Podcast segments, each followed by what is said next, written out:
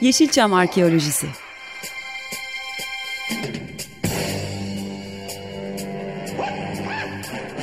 Türk sineması ve Yeşilçam'ın besin kaynakları, emekçileri ve kıyıda köşede kalmış hikayeleri.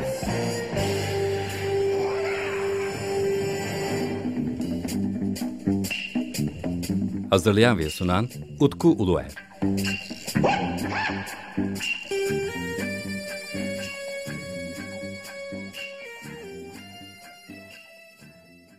Merhaba değerli Açık Radyo dinleyicileri. Ben Deniz Utku Uluer. Yepyeni bir Yeşilçam Arkeosu programında da sizler birlikteyiz. Biliyorsunuz programımız 15 günde bir yayınlanıyor Açık Radyo 95'te.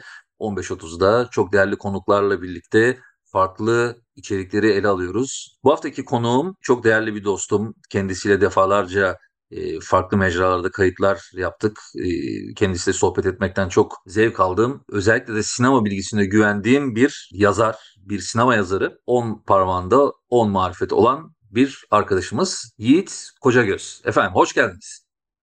Hoş bulduk Utku. Çok teşekkürler bu tanıtım için. Şimdi senin bence özellikle Türk sinemasında Yeşilçam dönemine ya da fantastik sinemamıza çok farklı bir bakış açın var bence. Bunu seninle farklı konularda defalarca konuşmuştuk. Ee, e şimdi sen özellikle korku filmleri üzerine çok kafa yoran bir insansın. Çok fazla yazı yazıyorsun. Farklı e, internet sitelerinde, farklı mecralarda e, içerikler üretmiştin. Tabii benim bilmediğim belki başka yaptığın e, üretimler de vardır. Ayrıca Karadut Express isimli bir çizgi romanımız var. Hani son dönemde Türk işi olarak çıkan çizgi romanlar içerisinde. E, onun için seninle bu Yeşilçam e, dönemindeki biraz hani korkuyla ilgili e, konuları konuşmak istedim. Hadi bir de kapıyı açalım istedim. Hani korkunun dehlizlerinin kapısını açalım Yeşilçam sinemasında ya da Türk sinemasında. Tabii Yeşilçam'dan başlarız ama biliyorsun ben Yeşilçam'ı birazcık daha Türk sineması olarak ele alıyorum. Çünkü gerçekten artık bir kapıyı açmamız gerekiyor. Farklı arkadaşlarla da bu konu üzerine konuşmamız gerekiyor. Onun için tekrardan hoş geldin. Çok e, teşekkürler, hoş bulduk. Ben şeyi söyleyeyim, yani kendim korku sinemasına ilgiliyim. Korku sineması ile ilgili dediğin üzere farklı farklı okumalar yaptım. Belli e, sinema dergilerinde, sinema sitelerinde yıllar boyu yazılar yazdım. Aynı şekilde kurgu ürünü, korku eserleri üretmeye çalıştım. Karadut Express bunlardan bir tanesiydi. Geçtiğimiz sene çizer arkadaşım Sena ile mesela e, Lokma isimli e, şeyde Webtoon oluşumunda Kemgöz Apartmanı diye bir çizgi seriye başladık. Yani elimden geldiğince e, işin daha görsel boyutunu kullanabileceğim mecralarda korku, komedi, aslında benim yaptığım biraz daha korku, komedi, korku, fantazya bu tarz hibrit türlerde üretim yapmaya çalışıyorum. E, ve yani çocukluğu 90'larda geçmiş pek çok e, arkadaşım gibi ben de aslında e, televizyonun bana sunduğu korku öğeleriyle beslendim. E, bu dönem daha çok aslında yabancı korku filmleri e, ile beslenmeme zorunda kılmıştı. Ama yer yer e, yerli sinemadaki Yeşilçam'daki eserlerden de korktuğum pek çok sekansı hatırlıyorum. Öncelikle bunu söyleyeyim. E, ilginçtir mesela pek çoğumuzun hafızasına kazınmış olan Yeşilçam'ın en korkunç e, sahnelerinden biri. Yani en ikonik e, korku karakterlerinden birini barındıran film aslında şey Süt Kardeşler. O çok ilgimi çeken bir şey mesela. Yani aslında işte seninle yapacağımız sohbetten önce biraz böyle e, ben de araştırdım. Yani fikirlerimi falan bir süzgeçten geçirdim. Neler yapılmış neler edilmiş diye. Yani benim çocukluğuma denk geldiğinde Yeşilçam'da belli korku filmleri yapılmış. Ama e, bunların hiçbiri aslında o kadar da çok tesir etmemiş topluma. E, en çok hepimizin konuşabildiği, hepimizin referans verebildiği şey mesela bir komedi filmindeki dev Gulyabani tasarımı olmuş. Bu ilginç bir şey tarihsel sürecine bakıldığında ilk Gulyabani'den önce de bir şeyler yapılmış. Biz bunları daha sonra böyle Yeşilçam'ı araştıran, sinemayı, yerli sinemayı araştıran insanlar kazıdıkça buluyor. Mesela işte ta 1950'ye 49'a kadar giden bir tarihi varmış aslında bunun Çığlık diye bir e, cinayet filmiyle başlıyor. Daha sonra biraz daha fantaziye kayarak iş, iş ya fantastik korkuya kayarak Dracula İstanbul'da yapılıyor ki eminim diğer programlarında falan bahsetmişsindir. Sonra yavaş yavaş e, aslında anladığım kadarıyla Hollywood'da o dönem tutan şeyleri bir şekilde değerlendirmeye çalışıyor Yeşilçam sineması da. Ama yavaş yavaş iş e, böyle seri katiller yeri geldiğinde vampirli filmlerden tamamen e, egzorsizme, şeytan çıkarmaya ve e, günümüzde de cin çıkarmaya e, bağlanıyor. Bu e, aslında şeye baktığında, topluma baktığında da ilginç bir süreç. E, yani sürecin yansıması oluyor. Çünkü korku filmleri aslında e, o toplumun popüler kültürünün temel yapı taşlarıdır. İnsanlar e, Bir de dışa vurumu diyelim mesela. kesinlikle dışa vurumu da Hollywood'dan beslenen canavar korku filmleri, seri katil korku filmleri bunları yapmayı çabalamaları e, biraz daha bence benim algımda Batı dünyası bu sinemayı böyle yapıyor. Bunun eğlence sektörünü böyle uyguluyor. Biz de acaba bunu böyle yapabilir miyiz? Sorusuna cevap bulmak amacıylaydı diye düşünüyorum. Ama daha sonra bunun muhtemelen senin dediğin e, şekilde toplumun dışa vurumu olmadığını gördüler belki de ve o yüzden biraz daha toplumun içindeki korku hikayelerine değinmeye karar verdiler. Ama mesela yani bizim toplumumuzda mesela korkulacak çok şey var. Tabii dediğin gibi yurt dışındaki yani alınan e, filmler var. Buna uyarlamalar var. Yani bu tabii çok e, farklı şekilde ele alınması gereken hatta tek tek ele almamız gereken konulardan bir tanesi ki yani o konuda seninle çok detaylı sohbetler etmek istiyorum zaten. E, umarım ileride bunları farklı formatlarda da ele alırız. E, şöyle bir durum var. E, Şimdi Türk sinema tarihine baktığın zaman e, işte 1940'lardan ele alalım e, tarihi hani daha oturmuş olarak. E, işte 1990 yılına kadar e, bazı filmlerde gerilim ögeleri var. Bazı filmlerde korku ögeleri yer almış. Ancak e, bir elle tutulur bir film e, sayısına baktığımızda 10'u 15'i geçmiyor. Fakat çok ilginç. Bir anda bir patlama oluyor 2000'lerde ve inanılmaz sayıda film çıkıyor. Bir furyaya dönüşüyor ve sanırım hiç kimse böyle bir furyaya e, sinemamızın böyle bir furya içine girebileceğini tahmin etmemişti. Sen biraz bu furyanın çıkmasını neye bağlıyorsun? Bu, bu arada çok Yeşilçam vari bir durum bu furyanın oraya çıkması, ortaya çıkması. Yani benim bağladığım şeylerden bir tanesi aslında üretim şartlarının biraz daha e, kolaylaşmasına, yani dijital kameraların artmasına e, ben biraz bunlara bağlıyorum. Yani çünkü üretilen filmlerin mesela bütçe ihtiyaçları e, bayağı düşük.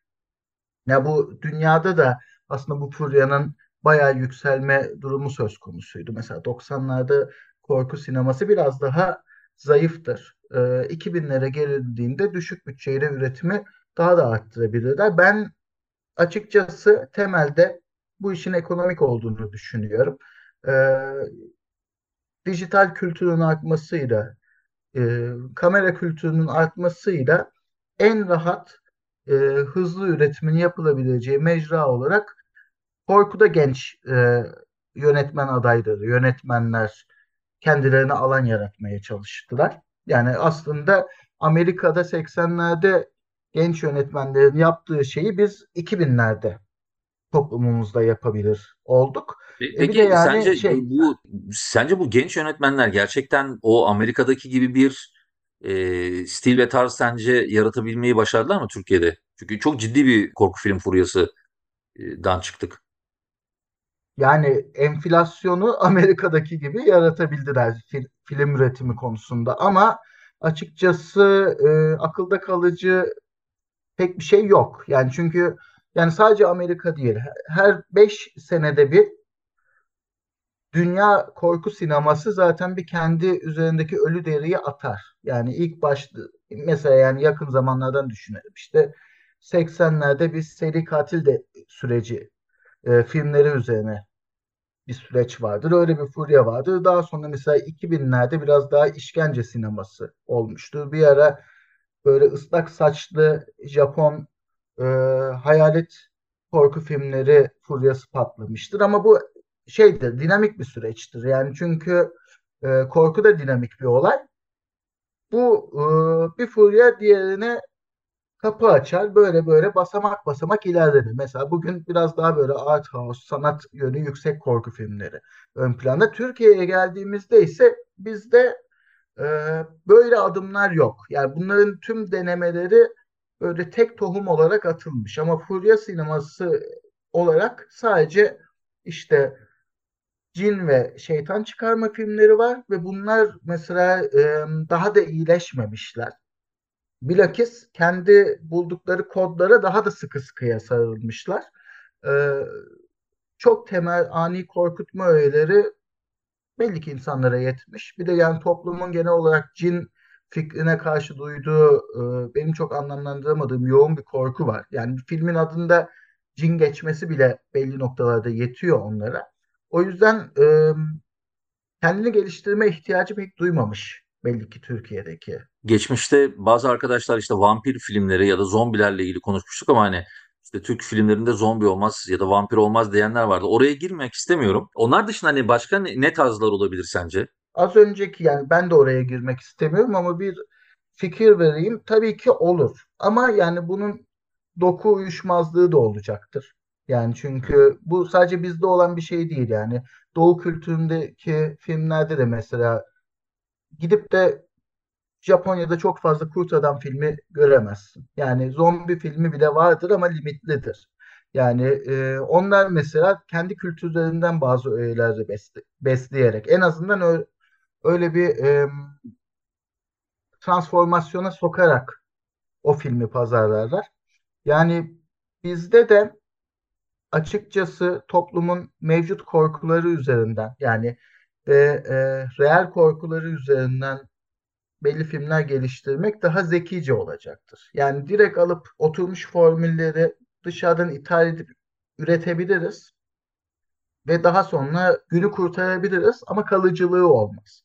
Yani mesela açıkçası şu aralar e, doğal afet korkularını konuşuyoruz. Yani herkesin işte oturduğu evde genel olarak bir e, şey acaba burası sarsılacak mı bir şey olacak mı korkusu var. Yani bunun üzerine e, geliştirilen bir psikolojik korku, psikolojik gerilim kafa açıcı eserlere fırsat tanıyabilir. Yani bu sadece işin eğlence değil boyutu mi? değil, bir de senin dediğin gibi toplumun korkularını yansıtması ya da işte e, genel olarak bizim ülkemizde e, taşla şehri ayrımı çok yüksek belli noktalarda. Bunun e, korkuları, tedirginliği yaşatılabilir. Kadınların yaşadığı yani biraz politik e, konu başlıkları seçiyorum ama ya bunların hepsi dünya tarihinde korku sinemasında e, bir şekilde yer edilmiş şeyler. Yani biz de açıkçası kendi toplumun korktuğu real korkularını alıp bunları o korkunun kaynaklarını çok da e, şey etmeden, tahrip etmeden e, yeni bir zeminde sunabilirsek o zaman akılda kalıcı şeyler yaparız. Yoksa üretilen filmler sadece ilk olmalarıyla ilgi çeker. Bir tek işte bu kend, yerelleştirme, kendim başka bir korkuyu alıp kendi korkularımızla birleştirme konusunda bir tek bu cin sinemasında bir dikiş tutturabilmişiz. O da aslında Japonlarınkisi gibi kapalı bir kültürün mitolojik öğelerinin korkuda yansıması tutmuş. Biz de kendimizinkini öyle yapmışız. Ama artık bence öyle bir çağda değiliz. Daha modern korkularımızı bir şekilde e, ekrana taşıyabilmek, onun, onlar üzerinden hikayeler geliştirebilmek e, daha zekice olacaktır. Aksi takdirde zaten yapılmış şeyleri tekrar etmiş oluruz. Peki şimdi bir adım daha geri atalım. Çok geniş bir zamana yayıldı. Yani ben korku film furyası biter dedim. Devam etti. Kesin bitti dedim. Yine devam etti. Bitmez dedik. Bu sefer bitti. Ee, ama sanırım hala bitmedi. Çünkü şu anda yine en fazla üretilen tür sanırım bir komedi filmler var. İşte romantik komediler özellikle. Dramalar tabii ki her zaman için. Ö- öteki taraftan da korku filmleri var. Ee, sence evrilme ihtimali var mı bunun? Yani sence farklı yönlere doğru gitme sinyalleri veriyor mu yoksa sen de bir tıkanıklık görüyor musun? Yani, Yok tıkanıklık kesinlikle var. Mecra değişimiyle yani e, bu üretimlerin mesela yani film gösteren platformlara falan aktarılmasıyla yani filmlerin değil ama bu e, üreticilerin o mecralarda çalışmaya başlamasıyla artık biraz yapı değiştirebilir bu işler. Yani çünkü muhtemelen korku dizileri yapmaya da başlayacaklardır. Korku daha uzun televizyon filmleri yapmaya başlayacaklardır ve oralarda seyircilerin beklentileri muhtemelen sinema seyircilerinden biraz daha farklı olacaktır. Ee, artı belki ellerine bu kay- bu mecralarda biraz daha bütçe e, sunulabilir. En azından dağıtım sıkıntısı daha az olacaktır. Böyle olunca yönetmenler e, ya da yapımcılar sinemada artık kireç tutmuş, bayağı e, oynatılamayan e, algoritmalar yerine bu yeni mecralara uygun e, başka algoritmalarla korku hikayeleri anlatacaklardı. Bence herkes bu arada yeni bir şeyler anlatmak istiyor ama kimse bu riske giremiyor. E, Evet. çünkü e, artık şey de büyük bir lüks oldu. Türkiye'de insanların sinemaya gitmesi, sinema deneyimi yaşaması. E, bu filmi pazarlamak da büyük bir lüks oldu ve tutan sadece dediğin gibi komedi ve korku filmleri olduğunda bütçesi en az olmasına rağmen e, kimse e, çalışmayacak bir işe girmek istemiyor haliyle. Şimdi o, Bunu o, o an konuda bak baktığımız zaman e, Türk sinema tarihinde korku filmlerine girilmemesinin ana sebeplerinden bir tanesi bence risk almak istemediklerinden dolayı. Şimdi özellikle 70'lere baktığımızda hani muazzam bir patlama var aslında özellikle Avrupa'da. Fakat o bize çok az gelmiş. Hani şimdi şey zamanı işte denemişler. Yani den, denenip tutmaması durumu söz konusu. Mesela Sevimli Frankenstein e, biraz daha erotik kısmı da ön planda olan bir korku komedi diye hatırlıyorum. Erotik sinemanın furya yaptığı dönemde mesela korku sineması da tutabilirmiş. Çünkü hem e, belli yetişkin öğeler içermesi gerekiyor. Özellikle bu dediğin dönemlerle alakalı. Sadece yetişkin seyircilere seslenebilir olması gerekiyor. Ee, ben burada açıkçası denendiğini ama e, çok da yol kat edilemediğini düşünüyorum. Yani çünkü işte mesela şeytan dışında niye o kadar girilmemiş? Şey Metin Erksan'ın şeytanında mesela yani gene belki düzgün bir şekilde araştırmamız gerekiyor. Çok fazla yani esas materyalde de çok fazla dini referans olduğundan belki o dönemin siyasi atmosferi çok istememiş olabilir bu tarz filmlerin aşırı popülerleşmesini. Yani dolaylı yoldan yapımcıların e, yolu tıkanmış olabilir. Yani e, böyle şeylerin olduğunu yani genel olarak e, zaten tuta, tutacak filmlerin tutmasını sağlayacak çok bir zemin yok. Yani sosyopolitik se- sebeplerden ötürü bu dışarıdan e, ithal edilen türlerin e, içeride de denendiğinde işte aşırı dini referans var diye önü tıkanmış olabilir.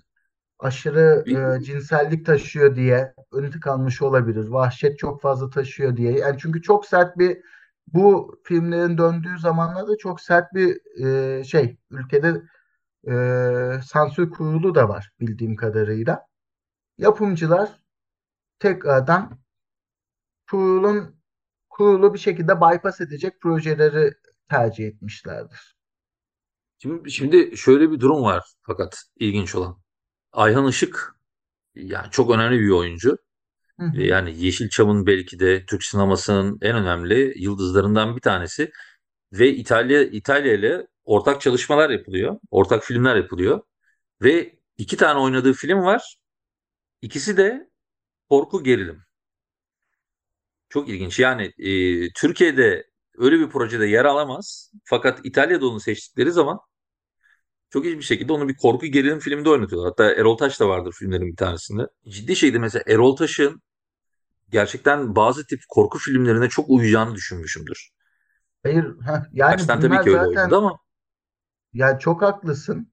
Bizim bu pek çok tanıdığımız yüzü ya Erol Taş'ı bırak bence yani doğru bir arka plan verirse Kemal Sunal'da bile çok iyi bir korku yüzü çıkarılabilirmiş. Ama e, bir sebepten genel olarak bu e, belki de işte ben gene aynı şeye bağlanıyorum da toplumu ahlaksızlığa itiyor diyerek e, önü kesilmiş ve yani şey daha e, drama ama e, romantik biraz da gerçek gerçekçilikten uzak e, aşk hikayeleri ve komedi filmlerinde mesela daha çok e, kişiler kullanılmış. Yani her ülkenin belli dönemlerde belli sinemalara daha fazla yatkınlığı olur. Yani biz açıkçası korkuyla alakalı benim anladığım kadarıyla ilk e, denemeleri 70 sene kadar evvel yapmışız. E, ama daha sonra sahneyi e, başka türlere vermişiz. Yani işte aynı şekilde şey de enteresan yani konuyu e, çarpıtmak için demiyorum. E, korku filmleri bütçesiz üretilen filmler olmalarıyla meşhurdur ama mesela Türkiye'de kovboy filmleri daha çok tutuyor. Yani bütçe olarak çok daha fazla şey isteyen filmler. Yapımcılar ama mesela yani kıyafetinden mekanına falan bir dolu ekstra şey istemesine rağmen e, tarihi filmler ya da kovboy filmlerine para koymayı tercih etmişler. Yani tek bir evde geçebilecek bir korku filmini yapmaktansa. Yani ben bunu genel olarak e, ülkedeki sansür kurulundan fazla korkmaya bağlıyorum. E, belli bir döneme kadar. Hı hı. Belli bir dönemden sonra da 90'larda aslında tekrardan bir denemişler. Mesela yani şeyi çok merak ediyorum. Kutlu Ataman'ın Karanlık Sular diye bir vampir filmi varmış 93'te. Yani hiç oturup seyretme fırsatı olmadı. Yani tekrardan e, artık e, popüler kültürü bu tarz karanlık filmlerle beslemeye bir e, refleks geliştirmeye çalışmışlar ama açıkçası olay anca 2000'lere kadar yani sekteye uğramış. 2000'lerdeki süreci de biliyoruz yani. Hepimizin yaşamakta olduğu şey genel olarak süreçte biraz daha böyle dini korkular üzerine odaklanılmış, ucuza üretim üretilebilecek cin filmleri furyası başlamış. Ve mesela hala ara türlere de, deneyenler oluyor. E, rağbet görmüyor. Yani sebebini de çok anlamış değilim. Yani insanlar orta karar yerde bir vampir filmi seyretmektense onun çok daha iyi yapılmışının yabancı versiyonunu tabii ki seçiyorlar. Ama iş cin ve şeytan filmlerine geldiğinde belli bir kalite arayışı çok da olmuyor. Yani bu şeyin göz şeyden ötürü diyorum. Yani bir senede 30 tane cin korku filminin yapılması bunun göstergesi.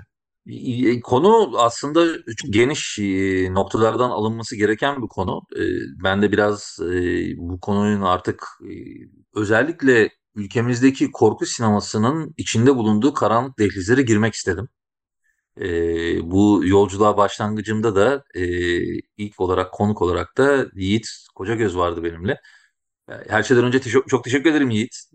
Gerçekten bu konularda seninle sohbet etmek çok keyif veriyor bana. Umarım e, dinleyicilerimiz de e, aynı şekilde keyif almışlardır. Konu tabii çok e, geniş kapsamlı bir konu.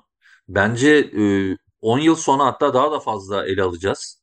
Umarım o 10 yıl sonra ele almaya başladığımızda e, Türk sinemasındaki korku filmlerinin daha çeşitlenmiş olduğunu da görürüz. Bir de şöyle ilginç bir şey var hani 70'lerdeki en fazla tutan çizgi romanlardan bir tanesinin ismi Korku. E tabii bu konunun çok e, farklı şekilde ele alınacak yönleri var. E, fakat biz e, bize ayrılan süre kadarıyla e, bu konuya bir giriş yapalım dedik. E, onun için tekrardan çok teşekkür ediyorum Yiğit. E, senin eklemek istediğin bir şey var mı burada? Yok, çok teşekkürler beni çağırdığın için. Umarım ileride de benzer konularda tekrardan konuk olma şansı elde ederim. Tabii ki, tabii ki. Yani seninle konuşacağımız sadece hani korku sineması üzerine değil, e, işte çizgi romanın sinemamız üzerindeki etkileri farklı bir başlık olabilir. E, konuşacağımız çok farklı konular var. Ancak biz bir yerden de artık bu e, korku filmlerine, günümüzde özellikle furya olmuş bir korku e, sinemasında birazcık daha böyle temeline doğru bakmaya çalıştık bu programımızda. E, 15 gün sonra yeniden Yeşilçam Arkeolojisi'nde görüşmek üzere. Efendim hepinize iyi bir hafta diliyorum. Hoşçakalın.